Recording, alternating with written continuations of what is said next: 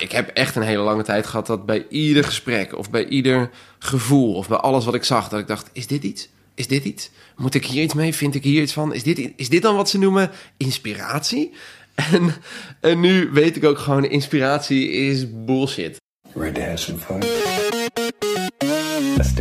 Hoi allemaal en welkom bij weer een nieuwe aflevering van De Makers. Ik ben Diede Vonk, zangeres en actrice.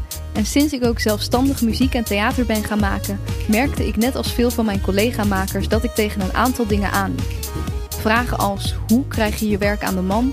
Hoe hou ik mezelf productief? En wat doe ik als ik even geen inspiratie heb? Daarom ben ik deze podcast begonnen, waarin ik elke week een inspirerende maker interview en vraag om tips. Vandaag spreek ik René van Meurs. Hij is cabaretier en staat al meer dan 15 jaar op het toneel. In 2007 sloot hij zich aan bij Comedy Train, waar hij heel veel meters kon maken. En in 2012 won hij de jury- en publieksprijs bij Kameretten. Hij speelt nu zijn vierde show, René van Meurs Hunkert, en die is nog tot 8 december in de theaters te zien. Vanaf februari gaat hij toeren met zijn nieuwe show 2636. Ook is hij op dit moment te zien in Expeditie Robinson. Of nou ja, op het moment dat we deze podcast opnemen, zit hij er in ieder geval nog in. We hebben het over het doen wat je het allerliefste doet, maar ook over de struggle van thuisschrijven en jezelf motiveren. We hebben het over inspiratie en wat dat precies is, en over of het belangrijk is voor je werk als maker om wat bekendheid te genereren en wat hem dat heeft gebracht. Heel veel luisterplezier. Hier is René van Meurs. Leuk dat je er bent. Dank, dank, dank. Welkom. Um, ja, uh, je zei net al voordat we begonnen, uh, eh, 15 jaar doe je dit al. Ja. En naast dat jij al nou, echt 15 jaar aan het toeren bent, gewoon comedian bent, in de theater staat, viel het me op dat je ook best wel veel tv-dingen doet. Dus oh, ik ja? was benieuwd of dat zoiets is dat je gewoon als je op een gegeven moment als comedian of als maker, als je next level wilt gaan, ja, heb je dat nodig dan? Het is heel grappig, want ik reageerde, ik hoorde mezelf zo, oh ja, van, alsof ik zelf niet wist dat ik af en toe op tv kwam. Maar ik bedoelde vooral de, de oh ja van, kom ik vaak, ben ik vaak op tv? Ik vind zelf dus dat ik helemaal niet zo vaak gevraagd word voor dingen. Oh, ik zit dan nu in Expeditie Robinson. Ja, dat is natuurlijk wel eh, weer een groot, heel groot ding. Dat is fantastisch. Dat wilde ik al jaren wilde ik dat doen. Uh, dus dat is te gek dat dat eindelijk gelukt is. En verder heb ik, ja, ik heb Bedoen Pats heb ik gedaan. Ja. Van BNN, die one-liners. En dat is het eigenlijk wel. Nou, ik bedoel het ook niet als een soort uh, aanval van jij bent altijd op de tv. Oh nee, oh nee, nee, zo voel ik hem niet. Maar ik vind, vind het grappig dat, dat, want ik merk dus nu als ik boodschappen doe dat mensen me nu kennen van tv. Ja, ja. Wat ik heel vervelend vind. Ja, vervelend? Ik vind niet vervelend dat mensen me aanspreken, maar ik vind dus heel vervelend dat mensen nu zeggen dat is René van Meurs van Expeditie Robinson. Ja. En dan denk ik nee, ik ben René van Meurs van al 15 jaar credible theatermaker. Precies. En nu ben ik ineens van een tv-programma. Dat, dat vind ik dan. En ik snap het ook, want mensen hebben gewoon de afgelopen 15 jaar niet van mij gehoord. En die zien mij nu rennen met een bijl. En die denken, oh, dat is wat hij doet. Terwijl dat is niet de core business. Nee, precies. Maar je bent, ja, je bent al in 2007 begonnen bij Comedy Train. Maar daarom vroeg ik het me af, is het gewoon... Was het bij jou een bewuste keuze dat je dacht, ik ga dat erbij nemen, zodat ik... Ik ga tv erbij doen. Ja. Um, gewoon ook omdat... Ik snap het heel goed namelijk. Want... Nou ja, ik zou natuurlijk liegen als ik zou zeggen dat ik het niet erg prettig vind voor de kaartverkoop. Mm Want, maar dat is wel altijd nog de enige reden dat ik het doe. Dus ik maak geen tv omdat ik bekend wil worden. Ik maak tv omdat ik wil dat mijn zalen vol zitten. Mhm. Want op tv voel ik me toch altijd een soort ondergeschikte aan het format of aan degene met wie ik het maak. Terwijl in theater ben ik volledig autonoom en is alles wat ik doe helemaal mij. En daar, zeg maar, om die, die vrijheid wil ik soort optimaal benutten. Dus daar moeten mensen naartoe komen. Ja. En als dat betekent dat ik, weet ik veel, bij Ik hou van Holland een taart moet doorgeven met een lullig hoedje op en Guus Meeuwis. Ja, dan wil ik dat best wel overwegen. Maar het is niet, ik zeg niet overal ja op trouwens. Want ik word ook wel, ik word wel vaak gevraagd voor dingen waarvan ik denk, ja, veel reclames word ik voor ah, gevraagd. Ja? Omdat ik een soort sympathiek oranje hoofd heb. Ja, ja. Ehm, maar, en wat is dan je reden om het niet te doen? Uh, omdat ik dan dus van de reclame ben. Ja. Uh, ik heb me heel lang geleden al voorgenomen, ik wil geen, sowieso nooit reclames doen voor banken of uh, voor drankmerken. Uh, nou, Heineken zou ik misschien nog wat doen. Bel me. uh, maar in principe, omdat ik wil gewoon als comedian wil ik overal over kunnen praten. En ik ben een beetje bang dat als ik in een Rabobank spotje zit en ik ga een stuk maken over de crazy huizenmarkt, Hmm. dan moet ik het ook over hypotheken kunnen hebben en dus gewoon af moeten kunnen fikkelen, Ja. eh, fakkelen waar ik eh, wel in beeld ben geweest. Dus dat, dus dat vind ik, dus dat soort dingen doe ik niet. Ik was heel lang in de race voor de, de reclame van, eh, van Ziggo, van die, van de buurmannen, met Kees Boot en Ah. Kees Hawaii. Ja? En toen is Giza is het uiteindelijk geworden. En dat vond ik toen heel raar, omdat ik dacht van, hè, oh ja, maar wij zijn zulke verschillende gasten. Heel Qua type. hoe we eruit zien, qua vibe, qua alles. Dat ik dacht, Ja. hoe kan het dat ik nog zo lang met hem in de race... En dat heb ik puur gedaan voor geld. Ja, maar ja, dat is ook eh, Omdat waar het de meeste mensen het voor doen. krankzinnig veel geld. En toen dacht ik, oké, dan ga ik met dat geld mijn regisseur betalen. Extra licht en geluid, mooi decor. Ja, precies. Eh, dat, was, dat was altijd het plan. Maar dat ben ik niet geworden. Dus nu doe ik met een minder mooi decor. Maar je zei het ook al, ja, bij theater heb ik natuurlijk de volledige controle, bij Ja. tv niet. Dus dat blijft, dat, dat is echt altijd een, een, een ding erbij, maar dat zal nooit je main... Ja, zeg ik nu. Want, want voor hetzelfde geld zitten we over 3,5 jaar nog steeds in een pandemie. En denk ik, ja, ik moet nu toch wel eens een keer een euro gaan verdienen. Ja, En dan zou ik misschien wel wat dingen voor tv gaan doen. Maar het ligt ook heel erg aan waar ze... Wie is de mol? Als ze me bellen, ik ben meteen drie weken weg. Ja. Ik, dan cancel ik mijn tour drie weken en dan... maar het schijnt toch dat je niet eerst expeditie mag doen en dan wie is de mol? Ik heb dit ook gehoord, maar ik ben het hier niet mee eens.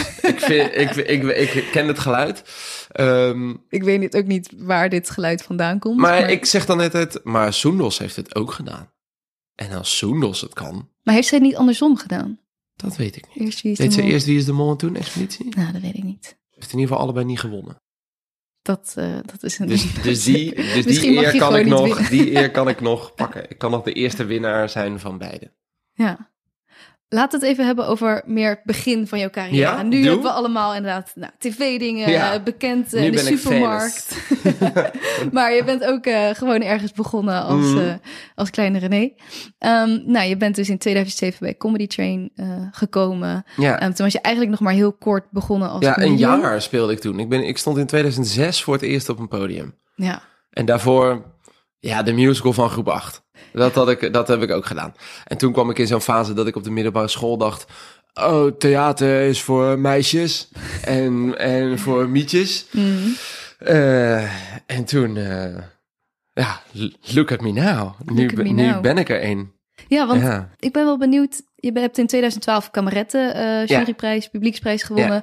Maar tussen dat je begon bij Comedy Train en dat je dat won... en dan daarna, het jaar daarna, een, een avondvullende Ja. show bent gaan maken... er zit eigenlijk nog best wel veel jaren Heel tussen. veel, ja, zes. Ja. En sinds, dat ik, sinds ik op het podium stond, is er zes jaar verstreken voordat ik aan Kameretten meedeed. Mhm. Ik wilde eigenlijk in 2011 al meedoen aan Kameretten.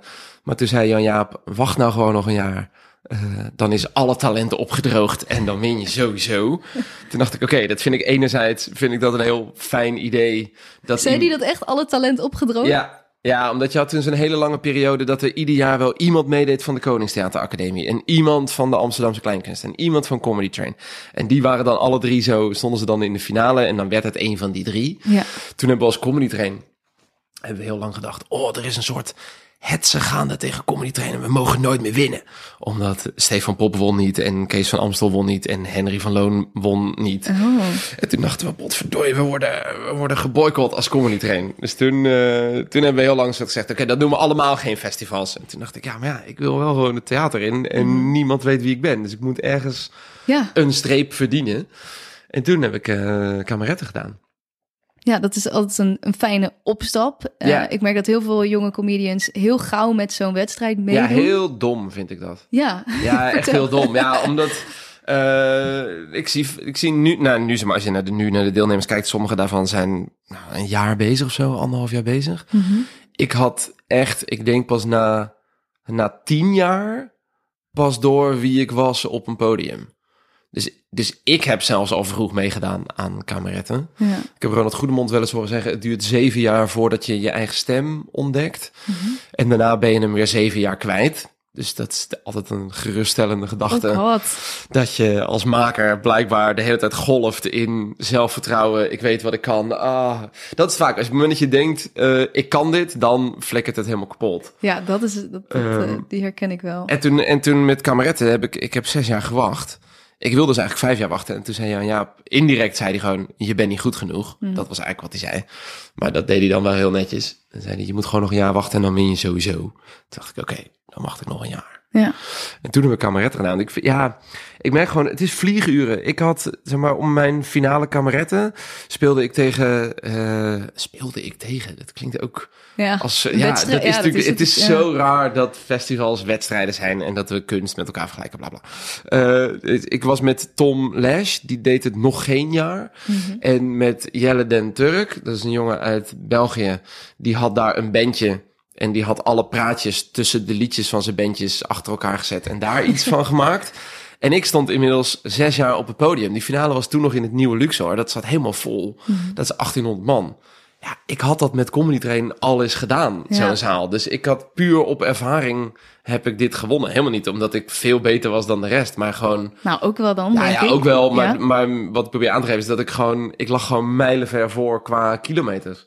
Ja, precies. Maar ik, heel veel mensen doen het nu zo snel, omdat het ook soms voelt als de enige manier om een impresariaat te krijgen of om zo'n avondvullende show te ja, kunnen wat, gaan doen. wat ook niet eh, waar is. Want ik heb getekend bij destijds Wallace Vinkers... voordat ik kameretten deed. Oh, Zij hadden... Want, want ze scouten ook... Ik was bij Bies, was ik gescout. Bies in Bellevue. ja, dat is zo'n... Eh, eh, open podium ja. voor eh, theatermakers. Mhm.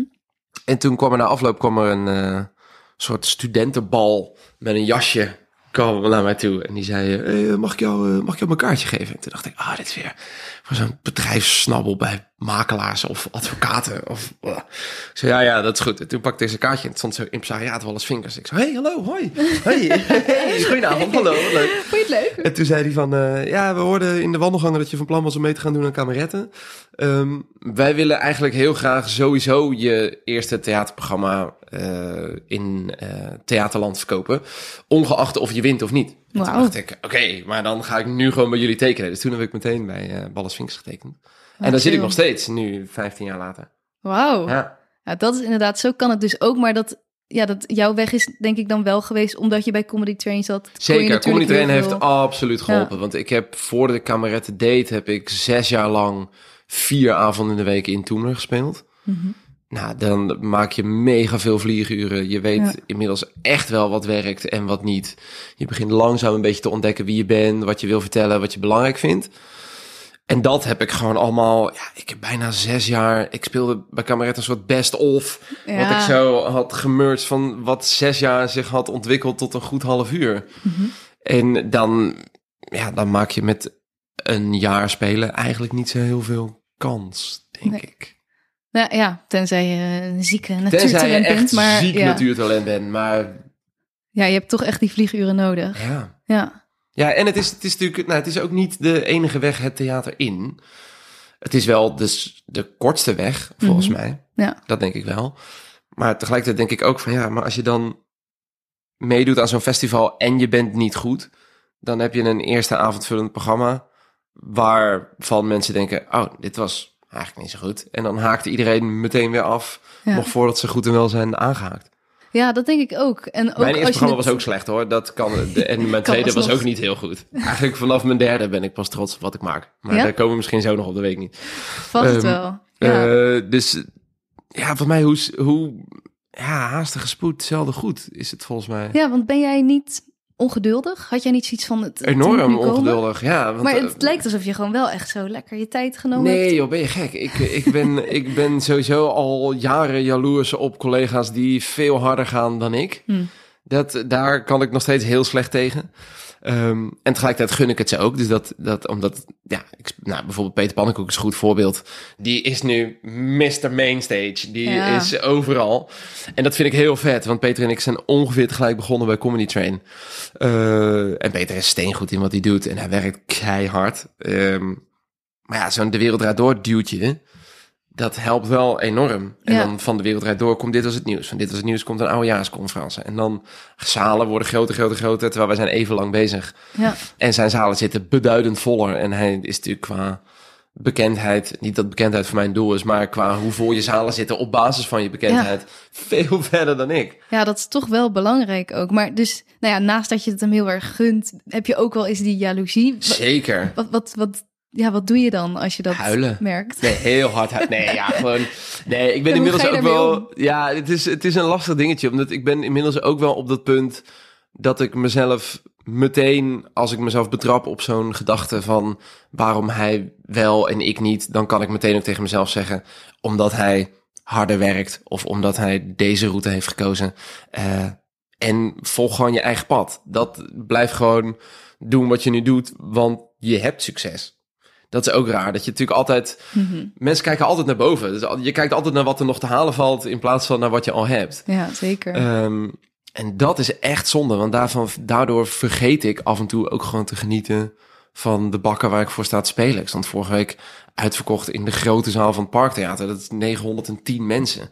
Grote zaal Schatzouwweg Utrecht, 800 man. Dat je denkt, wow, het zijn, dat zijn, ah, ik, ga, een- ik sta een week in Diligentia. Ik sta een week in Zuidplein. Ik sta een week in de Kleine Comedie. Dat, en dan denk je, ja, ja, ja, ja, maar ik sta niet in Carré. ja, Terwijl, is één, één avond Carré, is dat nou heilig? Ja, dat is, dat is wel heilig. Ja. ja, dat wil ik wel graag, ja. ja, dus dat is gewoon die struggle, denk ik. Dat, het, dat, dat houdt je ook op de been, zeg maar. Zeker, het houdt je ook Ja. scherp en het blijft ook motiveren, omdat je weet van er is nog veel meer te halen dan wat ik nu heb. Ja. Maar het is wel zonde als je alleen maar kijkt naar wat je niet hebt en dat je daarbij vergeet dat je met 15 jaar werken voor elkaar gebokst hebt waar je nu staat. Ja. En dat, dat vind ik echt nog steeds wel eens lastig. Dat ik denk, hé, maar je bent nu aan het schrijven aan je vijfde avondvullend programma. Mhm. Dat staat in alle grote zalen van Nederland. Ze zitten niet allemaal vol. Maar je bent wel doorgegroeid van de kleinste pepijntjes naar eh, bijna duizend man in Eindhoven. Dit, dat is heel tof. Waarom geniet je daar niet van? Wat, waarom, wat is dat nou? En dat is tegelijkertijd natuurlijk ook meteen de makersonzekerheid. Omdat je dan voelt... Maar stel nou dat ze in Eindhoven ineens ontdekken dat het maar een trucje is. Of, Oh. of dat ik echt maar één ding kan. Of dat ik gewoon een soort houdbaarheidsdatum had. En dat die verloopt op de dag dat ik in Carré sta. Of dat ik zo raar. Nu, ik ben nu een nieuw programma aan het maken. Ja, ik, ik denk dat het heel slecht wordt. En ik heb tot nu toe ieder programma gedacht. Mhm. En alleen de eerste twee programma's bleek het zo te zijn. En daarna werd het gewoon heel goed. Dus, dus het is heel raar om dat over jezelf te denken. Maar ik heb gewoon... Het is ook de motivatie, blijkbaar. Het is ook blijkbaar wat ik nodig heb om tegen mezelf te zeggen... Het wordt echt heel slecht. Als je er nu niet aan gaat zitten, wordt het echt een kutprogramma. Oké, oké, dan ga ik eraan zitten. En dan ga ik eraan Ah. werken. En dan, dan komt het. Het En helpt ik je ook met die discipline opbrengen om eh, te gaan schrijven Ja. en beter te worden. Ja, schrijfdiscipline vind ik nu de, de lastigste. Omdat ik ben nu back off. Want ik, ben, ik speel vijf avonden in de week omdat ik al mijn corona-shows aan het inhalen ben. Mhm. En dat speel ik van 1 september tot en met 8 december 2021. En dan 1 februari 2022 ga ik try-outen met een nieuw programma. Ja, dat is echt mega Dit, eh, deze agenda is belachelijk. Eh, en ik heb een vriendin. En ik probeer nog een soort sociaal leven met vrienden te onderhouden. Dus ik ben zoveel bordjes nu tegelijkertijd draaien aan het houden. Dat ik nu met mezelf heb afgesproken. Ik ben iedere dag dat ik moet spelen, ben ik om 11 uur in het theater. En dan schrijf ik van 11 tot 3. En in de praktijk komt het erop neer dat ik om 11 uur in het theater ben. Dat ik even koffie doe. Dan check ik even de socials. En dan is het 12 uur. En dan eet ik even een boterham. En dan is het half één. En dan om een uur of één begin ik met schrijven. Maar ik doe nu dus wel vijf dagen in de week, twee dagen, eh, of twee uur per dag schrijven aan een nieuw programma. En dat doe je dus echt bewust doe ook. in theaters. Ja, Ja, en dat werkt heel goed, omdat ik daardoor ineens voel, dit is waar ik het voor doe. En als ik even een soort zo vastloop in een scène, of dat ik denk, ah shit, volgens mij moet ik dit uitspelen, of volgens mij moet ik hier iets fysieks gaan doen, dan kan ik gewoon letterlijk het podium oplopen in een theater En doen alsof dat helemaal vol zit. En dan, oh ja, als ik een dikke gast ben op een skippiebal. Hoe, hoe werkt dat? Wat zit dat dan in de stuiter? Of zit dat vooral in het hangen op de bal? Ik ga gewoon dingen proberen. En dan ben ik gewoon in een zaal dingen aan het proberen. En dat is heel leuk. Daardoor komt er wel de hele tijd weer iets nieuws. En daarnaast krijg ik, ik ook gewoon huiswerk van mijn regisseur. Zo simpel is het ook. Dat is ook fijn, dan houdt hij ook Dat een beetje prettig, bij de les. Want dus dan heb je eigenlijk gewoon sommige mensen die, die gaan dan een werkplek opzoeken of zo, maar jij hebt gewoon eigenlijk een soort kantoor in alle theaters. Ja, ik heb flexplekken. Heb ik. Precies. ik flex door het hele land. Ja. oh, dat is echt wel ideaal, ja. Ja. En hoe doe je dat als je niet aan het toeren bent en dan aan het schrijven Dan bent? moet ik het eh, thuis doen. Mhm. En dat vind ik eh, de hel. Omdat je woonkamer wordt op een gegeven moment je werkplek. En dan besluit je, ja, maar ik wil mijn woonkamer gewoon mijn woonkamer houden. Weet je wat, ik ga wel in de keuken werken. Maar ja, dan wordt je keuken je werkplek. En dan zie je boterhammetjes. En dan, je bent, je- ik ben gewoon constant bezig met dat ik in mijn huis ben. Ja. En er is een PlayStation en er staan drie gitaren. En ik, oh, zal ik dat? En dan pak ik een gitaar en dan ben ik een uur verder. En dan zonde. Ik zeg nu, ik pak een gitaar, maar iedereen weet, hij pakt de PlayStation. ik pak nooit de gitaar. Ik dacht, Ehm, oh, dat kan die ook gewoon. Ja, ik kan wel gitaar spelen, maar ik zou dat nooit op een podium doen. Maar in principe, ik, ik dacht, als ik nou gewoon een beetje pretentieus zeg, dan pak ik de gitaar. Dan denken mensen, oh wauw, wat goed. Nee, ik pak gewoon een PlayStation. Ja, het is gewoon heel vervelend, want Het je bent is- gewoon ja. de hele tijd afgeleid. Ja, Je bent de hele tijd bezig met, ik zit in mijn eigen veilige bubbel. Er is geen noodzaak om mezelf tot werk te zetten, anders dan dat er een deadline aankomt. Maar ja, ik zit gewoon thuis nu lekker op de bank te chillen. ja. En ik woon samen, dus ik zit ook gewoon met mijn vriendin thuis op de bank te chillen. Zij werkt ook vanuit huis. Dus wij zitten gewoon heel vaak met z'n tweetjes de hele ochtend met koffie op de bank. ja. En dan kijken we elkaar aan en zeggen, wauw, hebben we geen reet gedaan. Wel gezellig. Heel gezellig. Nee, extreem gezellig. En ik hou er enorm van. Maar ja, je voelt ook dat alles wat ik niet doe in de ochtenduren, neem ik mee naar de middaguren. Mhm. Wat ik niet doe in de middag, neem ik mee naar de avond. En als ik het s'avonds niet doe, dan lig ik in mijn bed in paniek. Ja, ja, Dus je schuift de stress eigenlijk gewoon door over de dag. absoluut. En dan eh, is vijf avonden in de week spelen ook niet, dat draagt ook niet bij aan je ontspanning.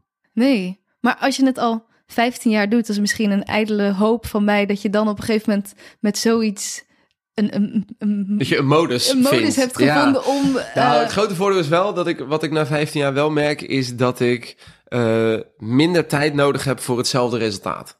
Hm. Dus, dus waar ik voorheen vijf kantjes schreef om er één kantje van over te houden, kan ik nu met drie kantjes. eh, ik, ik gooi minder weg. Zeg maar, wat ik maak is bruikbaarder. mhm. En dat is ook, en dat heeft helemaal niks te maken met schrijfervaring, maar veel meer met levenservaring. Dat ik ook gewoon weet wie ik ben. Dat ik ook gewoon weet, ah ja, wat ik wil vertellen of wat ik belangrijk vind, die zoektocht, die heb ik al afgerond. Dat hoef ik nu alleen maar op papier te zetten. Terwijl bij mijn eerste of bij mijn tweede programma was ik, nou, 13 jaar geleden was ik 23. Ja, dat zijn er al zoveel dingen Mhm. die ik nog moet ontdekken in het leven. Of waar ik wel iets van vind of niet iets van vind. Of ik geloof dat ik iets van vind, maar dan begrijp ik niet wat ik vind of zo. Dus dan ben je nog helemaal bezig met die gedachten helemaal inkoken tot iets bruikbaars. En nu weet ik gewoon, oké, ik heb 36 jaar leven erop zitten. Ik vind dit van politiek. Ik vind dit van muziek. Kindertoeslagaffaire. Afghanistan. eh, ik vind, ik weet wat ik vind. Ik ga zitten. Tik, tik, tik, tik, tik. En dan allemaal piemelgrappen. Want ik, vind- ik vind niks van de politiek en Afghanistan. Dat, dat heb ik niet zo mee. Je weet gewoon nu, ik ben niet de, de cabaretier. Ik ben niet die- de maatschappelijk geëngageerde... Nou, nee, dat is niet waar. Ik ben... Ja, nee, wel. Ik ben geen maatschappelijk geëngageerde cabaretier. Ik ben wel een geëngageerde cabaretier. En Kan je uitleggen wat het Ja, verschil het verschil is? is dat volgens mij maatschappelijk geëngageerde cabaretiers eh, hebben een vingertje. Oh, mensen, de wereld, de wereld. Eh, dit gaat mis en eh, ik vind dit. En geëngageerde cabaretiers kunnen ook zeggen... Oh man, mijn leven is zo'n puinhoop. Ik ben zo bevlogen en betrokken bij dat onderwerp uit mijn eigen zielige verdriet. Ik ga daar super hard eh, aan werken en over nadenken en dat aan jullie vertellen, zodat jullie je daartoe kunnen verhouden en daar ook iets mee kunnen. Ja. Volgens mij is dat, is dat ook exact wat ik maak. Ik vertel gewoon over mijn zielige, zielige leven. en dan zitten er mensen in de zaal die op dat moment hetzelfde meemaken en die denken, oh fijn, eh, iemand anders maakt het ook mee. Of er zitten mensen die dat net hebben doorgemaakt, die dan denken: Oh, ik ben zo blij dat ik eruit ben. Haha, nu kan ik erom lachen. Of er zijn mensen die denken: Ik heb geen idee waar deze gast het over heeft, maar blij dat het mij niet overkomt. En dan heb je ook een leuke avond. Dus volgens mij ben ik op die manier wel voor iedereen aantrekkelijk. Ja. Oké, ja. en Denk nee, dat- dit, dit steek- dit- snijdt dit hout? Ja, toch? nee, toch ergens? nee, zeker. Ik, ik denk er zullen ook mensen die willen wel een eh, zijn die wel een maatschappelijk eh, cabaretprogramma willen zien, maar die gaan Zeker, dan nee, absoluut. Oh, en Dus ik, ik zeg ook helemaal niet dat wat ik maak, dat dat beter is Nee, dan nee, iemand die eh, maatschappelijk geëngageerd cabaret maakt. Dit was volgens mij gewoon het verschil tussen maatschappelijk ja. geëngageerd en geëngageerd. En heb je daar dan in die eerste twee programma's ook echt een beetje mee geworsteld van? In de eerste twee programma's deed ik heel maatschappelijk geëngageerd. En wat, wat is doen? Hoe bedoel je Nou, in dit geval, eh, dan ging ik heel erg maken waarvan ik dacht dat mensen het zouden willen zien. Ja, Of zo. Of, of dat je dacht van, oh, de, de cabaretpolitie komt mijn voorstelling kijken. En eh, die, oh, dan, dan moet er iets in over de politiek. En dan moet er iets in over eh, mijn jeugd. En dan moet er iets in over dit. Terwijl, ik heb nog nooit iets origineels gevonden over de politiek. Waarvan ik dacht, dit moeten mensen horen. Want alles wat ik vind, dat, die mening wordt al eh, die lees je overal al. Dat, dat vind je, dat kom je echt overal al tegen. Daar hoef je niet voor naar theater. Terwijl ik op dat moment wel dacht van, oh ja, maar ik ben een verfijnde denker en ik ga nu maken wat mensen willen horen. En daar prik je dan ook meteen doorheen, omdat je ook gewoon hoort van, ja, deze gast staat gewoon te doen alsof. En dan boeit het niet. nee. Want dan, het publiek merkt namelijk heel erg, oh wacht even, als hij doet alsof, dan boeit het hem niet.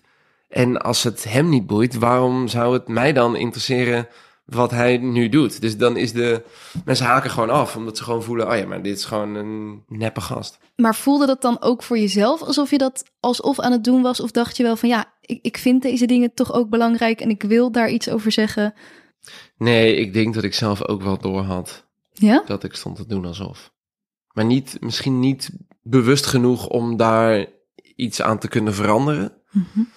Maar als je gaat zitten en je maakt een lijstje en je zet daarop iets politieks, iets over mijn jeugd, iets over mijn ouders, misschien een liedje? Vraagteken. Ja, in plaats van dat je gaat zitten en dat je zegt, mijn jeugd was zo kut, jongen, ik heb dit meegemaakt, mama. Dan, ja, als je moet gaan graven naar dat wat je belangrijk vindt, dan vind je het niet belangrijk genoeg. Ja. Maar ik was toen, ik had geen idee, hè. Ik was toen zes jaar bezig toen ik mijn eerste theaterprogramma maakte. Ik dacht, dit is wat goed is. Precies. Dit is, dit is wat hoort. Ja, Maar als je gaat maken wat hoort, ja, dan, ja, waarom zouden mensen daar naartoe gaan? goeie vraag. Ik, denk- weet het niet. Ik weet het niet. Ik, ik, ma- ik maak nog steeds wel wat, wat hoort, maar ik maak nu wat bij mij hoort of zo. In plaats van wat hoort bij de, de gangbare definitie van cabaret. Precies. Ja.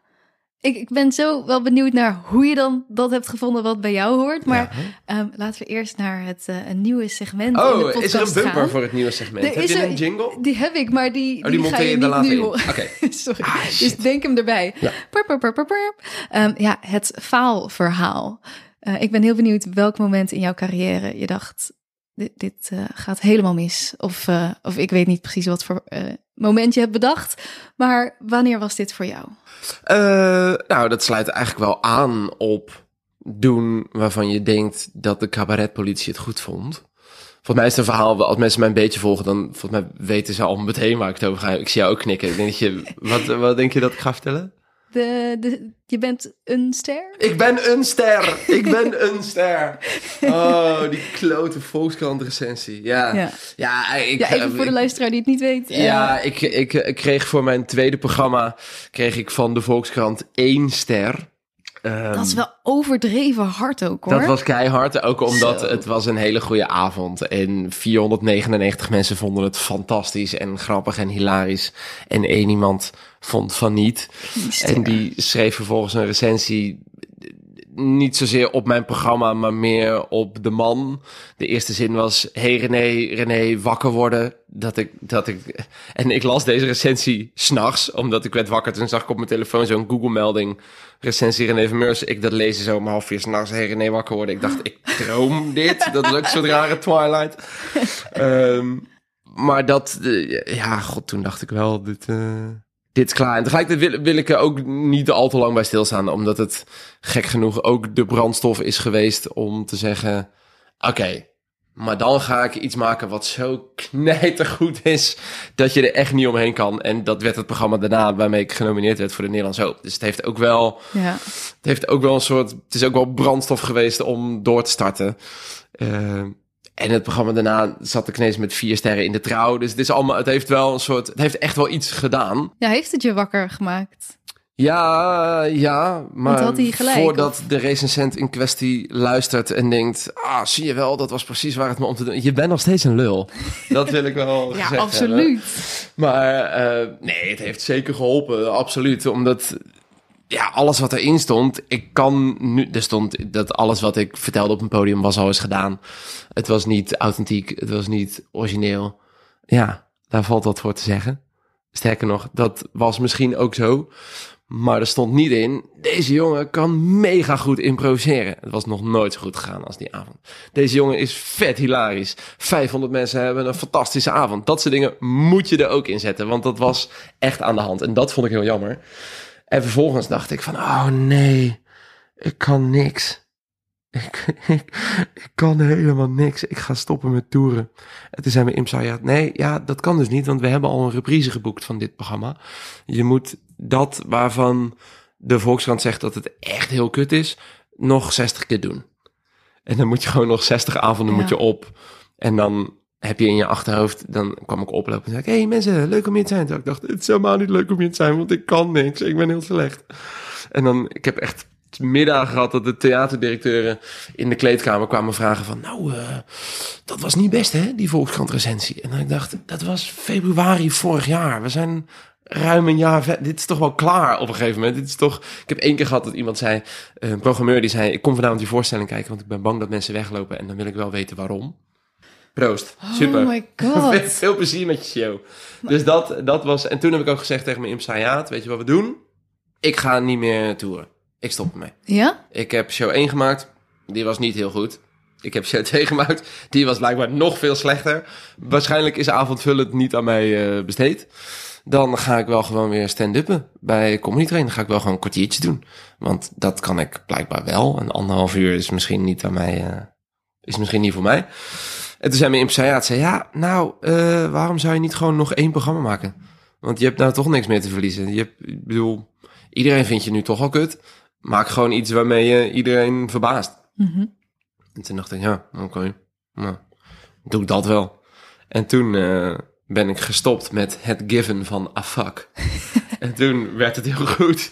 Dus ja, dat is, het is gek hoe dat, hoe dat dan werkt, ja. Ja, want dat klinkt nu heel makkelijk van oké, toen zei ze, ja, je hebt niks te verliezen, laat het gewoon nog een keer doen. Ja, dat lijkt me wel echt heel zwaar ik had nul inderdaad. zin. Nee, ja. ik had natuurlijk nul zin. Wat- ik was hoe helemaal ga je klaar. dan weer zitten schrijven? Ja, En- ik, nou ja, het voordeel was natuurlijk wel dat, dat het, duurde, het duurde echt lang hoor, voordat ik die vrijheid vond. Maar ja, ze zeiden wel terecht van, want, want het publiek vond mij helemaal niet kut, hè. Dat, ik vergeet dit, dit deel, dit is een belangrijk deel van dit verhaal, wat ik vaak vergeet te vertellen. Ik doe altijd alsof iedereen mij heel slecht vond toen. Maar dat is helemaal niet waar, want al mijn zalen zaten vol en iedereen vond het hilarisch. Wat het ook was, het was heel grappig, maar niet bijzonder goed of origineel. Ehm, dus dank publiek wat die show gezien heeft en toch is blijven hangen. Maar ik voelde wel dat daarna toen mijn imsaiaat zei van ja, je hebt niks meer te verliezen. Je kan nu alles doen wat je wil. Eh, toen dacht ik ja, maar ja, ik heb wel publiek, dus het moet sowieso grappig.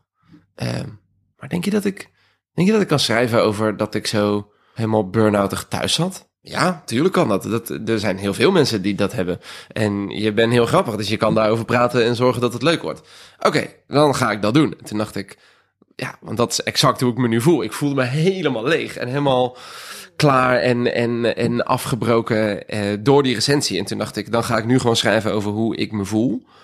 En dan zien we wel. En toen kwam een regisseur bij en die zei... Dude, dit is fucking eerlijk en heel grappig. Durf je dit op een podium? Ik zo, nee, dat denk ik niet. Dit was meer een soort schrijfoefening... dat ik zo dat dan van me afgeschreven had. En dan ga ik nu wel weer piemelgrappen schrijven of zo. En toen zei hij, nee, helemaal niet. Hij zei, als je dit kan schrijven... dan ga ik jou dit leren spelen... en dan ga je dit op een podium doen. En toen ging ik dat doen... En toen werd dat uh, Nederlands Hoop nominatie. Ja, het is echt die, die, die kwetsbaarheid. Ja. Daar zat het hem dus in Ja, voor jou. en dat heb ik dan ook dus nog eens doorgetrokken in het programma wat ik nu aan het spelen ben. Eh, René van Meurzen. Ik had, de, super ironisch had ik dus die show, na die hele slechte recensie, had ik ook gewoon Ik beloof niks genoemd. Omdat ik dacht, show, ja. ja. dan heb ik me in ieder geval ingedekt. Als mensen dan komen en het is echt heel slecht, dan kan ik altijd zeggen, ja, maar het zat al in de titel, toch? Dat, eh. En nu speel ik René van Meurs Hunkert tot en met 8 eh, december. Mhm. Over eh, liefdesverdriet. En, of over ongelukkig zijn en daar stiekem een beetje verslaafd aan zijn. Omdat als je maar lang genoeg ongelukkig bent, dan wordt dat een soort je nieuwe veiligheid. En dan weet je, oh ja, ik weet hoe het is om me zo te voelen. En dan kan wel iets nieuws gaan ondernemen, maar het kost zoveel energie. Dan blijf ik liever hangen in mijn verdriet. Ja. En dat is ook een heel mooi programma geworden. En daar krijg ik ook iedere avond reacties van mensen die zeggen, oh, ik snap precies wat je doormaakt. En dan denk ik, ja, doormaakte, want ik ben eruit. Maar fijn dat je, dat je er zoveel uithaalt. Dat is heel lekker. En dat kreeg vier sterren in de trouw. Dus ik heb ineens, sinds ik besloten heb, weet je wat, ik ga gewoon over alles schrijven wat me dwars zit. Of comedy is pijn plus tijd. Ik ga gewoon over alle pijn praten die ik heb of die ik gekend heb. Uh, dan wordt het ineens heel goed, blijkbaar. Maar ook wel inderdaad heftig, zo'n eerste keer dat je zo ook toch wel je hart op tafel legt. Enorm. En, uh... Ja, omdat je bent ineens een soort, iedere avond ben ik nu korstjes van wonden aan het krabben om het uh, om die pijn en die emotie te herbeleven. Ja. En nu zit ik dan heel gelukkig samen met mijn vriendinnetje thuis hartstikke blij te zijn. En sta ik vijf avonden in de week. Oh mensen, het leven is zo zwaar. Eh, vrouwen, ik begrijp het niet. ben, ben, ik, ben ik dat aan het doen? Um, maar ik ben blijkbaar gewoon een hele goede acteur geworden. Want ik hoef dus zelfs niet eens meer echt pijn te voelen of te ervaren om gewoon die avond op te kunnen roepen wat het was dat me dit programma deed maken. Ja. ja. Dat, dat, is heel leuk nu. Ja, dat ik heb ineens net iets meer afstand van het materiaal, waardoor ik er veel vrijer mee kan spelen. En het eigenlijk geloofwaardiger is geworden dan toen ik er nog middenin zat. Oh, dat is ook wel grappig, ja. Dat nu dus, want is het niet vervelend ook? Nou, je hebt dat misschien uh, nou, alweer zo'n uh, twee, drie jaar geleden geschreven. Um, je hebt het Ja. natuurlijk ook lang niet kunnen spelen door corona. En je moet dan nu toch elke keer weer daarin gaan. Dat was heel raar. Ik ben begonnen met dit programma, met schrijven van dit programma in 2018. Mhm. Toen ben ik september 2019 gaan try-outen. Ja. Première 10 februari 2020. Corona 13 maart 2020. Oh, dus ik heb nog een maand kunnen toeren met een programma wat net in première ging. Toen anderhalf jaar niet. In die anderhalf jaar tijd vriendinnetje leren kennen. Helemaal blij. Helemaal zin in het leven. Helemaal huizen kopen. Helemaal gelukkig. Eh, en toen eh, zijn we in Stariaat. Oh, eh, die shows die allemaal niet doorgingen van corona, die hebben we even zo in drie maanden gepropt. Dus je moet eh 83 keer spelen in drie. Ik zei, oh, oké, dat is, dat is, dat is veel. En toen dacht ik, oh, kut. Want mijn vriendin heeft mij nog nooit zien spelen. Nu wel, inmiddels, maar toen niet, want corona. Mhm. Dus ik kon niet optreden. Zij wist ook niet wie ik was of wat ik deed. Of ze, ik zat gewoon thuis. Ze ik was moest gewoon, je maar geloven. ik was gewoon een clowntje. Ik zei, nee, maar ik heb echt opgetreden in volle zalen, hoor. Ik ben, ik ben echt theatermaker. En dat had ze natuurlijk nog nooit live meegemaakt. En toen dacht ik, ja, kut zo. Ga ik je dan nu meenemen naar deze voorstelling... die helemaal gaat over zwelgen in verdriet... terugverlangen naar iets wat voorbij is. Eh, Ik weet hoe goed ik kan acteren. Dat gaat wel binnenkomen, dacht ik. Bijna. En toen eh, kwam ze show kijken. En toen zei ik, eh, nou, nou, nee, niet, laat me niet meteen naar het einde skippen. Laten we gewoon deze dag doen. Dat ze zei, want ze had gevraagd, mag ik dan en dan komen kijken? En dat was dan over een week. En zei ik, dat is goed. Dan heb ik nog een week om me mentaal voor te bereiden op dat je er die avond bij bent. En toen zei ze op een donderdagmiddag, zei ze, ik heb toch bedacht, ik ga vanavond. Ik zo, wow, je kan niet dit bommetje zo... Ik zei ze, hoezo? Het is toch dezelfde show? Ik zo, ja, maar... Oké, is goed. En toen ging ze mee. En toen gingen we zo'n kaartje halen bij de kassa. Ik had een kaartje voor de klaargelegd. Zeg oké, ik zeg, ik moet weten op welke rij je zit. Op welke stoel je zit. Ik ga nu op die stoel zitten, zodat ik zie wat jij straks ziet. Ik zeg, ik moet het allemaal... ik, was er, ik vond het veel heftiger en belangrijker dan dat zij het vond. Want zij dacht gewoon, ik ga gewoon kijken naar mijn man die zijn werk doet. Ja. En dan zien we wel. En zij werkt in de muziekindustrie. Dus zij zegt ook van, ja, ik ben ook helemaal gewend om te toeren met DJ's die een album af hebben. Niet meer achter die muziek staan en daar toch mee Ja. moeten toeren. Ze zei, ik weet ook dat je, dat je als maker niet altijd je product hoeft te zijn om het heel goed te laten maar, eh, Dus ze zijn. snapt het wel een beetje. Ze snapt het enorm. Dus, dus na afloop was ik helemaal... Oh my god, nu gaat ze me helemaal... Nu gaat ze bij me weg. Nu wordt eh, dit wordt verschrikkelijk. En zei ze... Zo, jezus, je bent echt fucking goed in je werk. Ik zo... Ja, thanks. Oh. Maar, zei ze... Hoezo? Maar, er waren 800 man die vonden dit fantastisch. Ik ben mega trots. Ik zo... Oké. Maar, zei ze, ik heb het nu wel gezien. Ik hoef niet nog een keer te kijken. Ik zei, oké, dat, dat snap ik. Oh, Ja. En Ja. dan, zeg maar, vanaf dat moment voelde het ook echt alsof ik soort de green light kreeg om met dit programma alles te doen wat ik wilde. ja. En daardoor is het spelen nog eens een groter feestje geworden dan dat het al was. Oh, wat mooi. Dus het is heel lekker nu. En je noemde, eh, nou even een tijdje terug, eh, iets over nou, dat je wel een beetje in een burn-out hebt gezeten. eh, ook na dat, die, die Ja. recensie. Ja. Heb je nu, eh, dat is denk ik alweer even geleden, heb je nu manieren gevonden om beter met je werk, eh eh, privé-balans om te gaan? Of waar, waar zit dat hem nu? Nee. is dat, is dat, dat is het eerlijke antwoord. Nee, ik heb nog steeds geen balans tussen werk en privé. Omdat, ja, dat is ook het vervelende aan het zijn van een comedian, is dat je privé is je werk. Eh, dus ik ben inmiddels minder. Inmiddels kan ik gewoon een dag doorploegen en dan de dag daarna besluiten. Ik ga nu iets schrijven over wat ik gisteren voelde. Maar, maar ik heb echt een hele lange tijd gehad dat bij ieder gesprek of bij ieder gevoel of bij alles wat ik zag, dat ik dacht, is dit iets? Is dit iets? Moet ik hier iets mee? Vind ik hier iets van? Is dit, is dit dan wat ze noemen inspiratie? En, en nu weet ik ook gewoon, inspiratie is bullshit. Er is, er is niet zoiets als inspiratie. Er is ambacht. Dat is het enige wat er is. Je moet gewoon gaan zitten en dingen maken. En omdat je toch de hele dag door een soort gefueld wordt met emoties, met gevoelens, met gesprekken, met films, met series, met boeken. Als het echt belangrijk voor je is, dan vindt het wel een haakje. En dan kun je er echt wel iets over maken. Dus die inspiratie, die komt wel gewoon door het te leven. Maar ja, dat is dus tegelijkertijd de grote valkuil. Dat alles in het leven kan in een show eindigen. Ja. En daardoor loopt het nog wel eens door elkaar heen.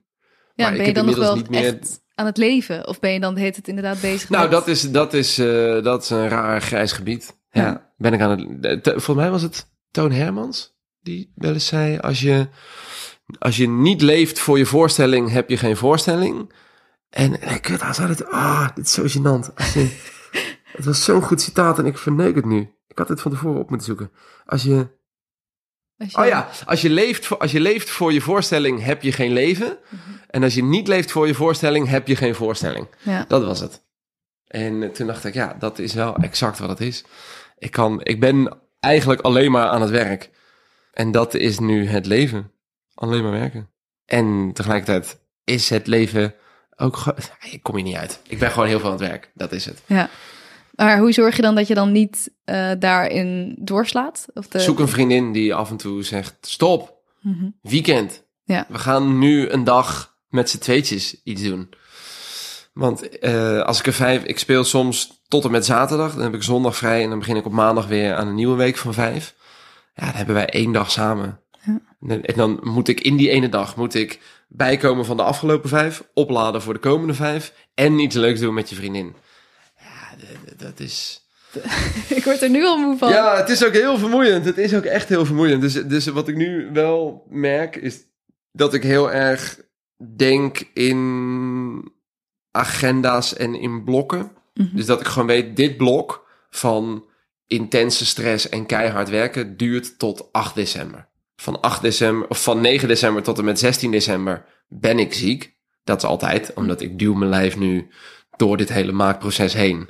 En oh, voel ik, eh, bij, bij klachten laat je testen. Maar heb ik, heb ik, heb ik nu een klacht? De- de- ja, misschien, maar ik door. kan niet deze show afzeggen, want dan moet ik dat weer inhalen.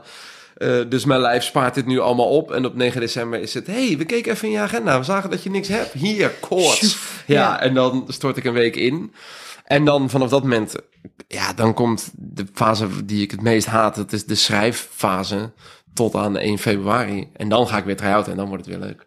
Ja, dus het, het is of druk of je moet in, een periode die je haat. Dat is ook heftig.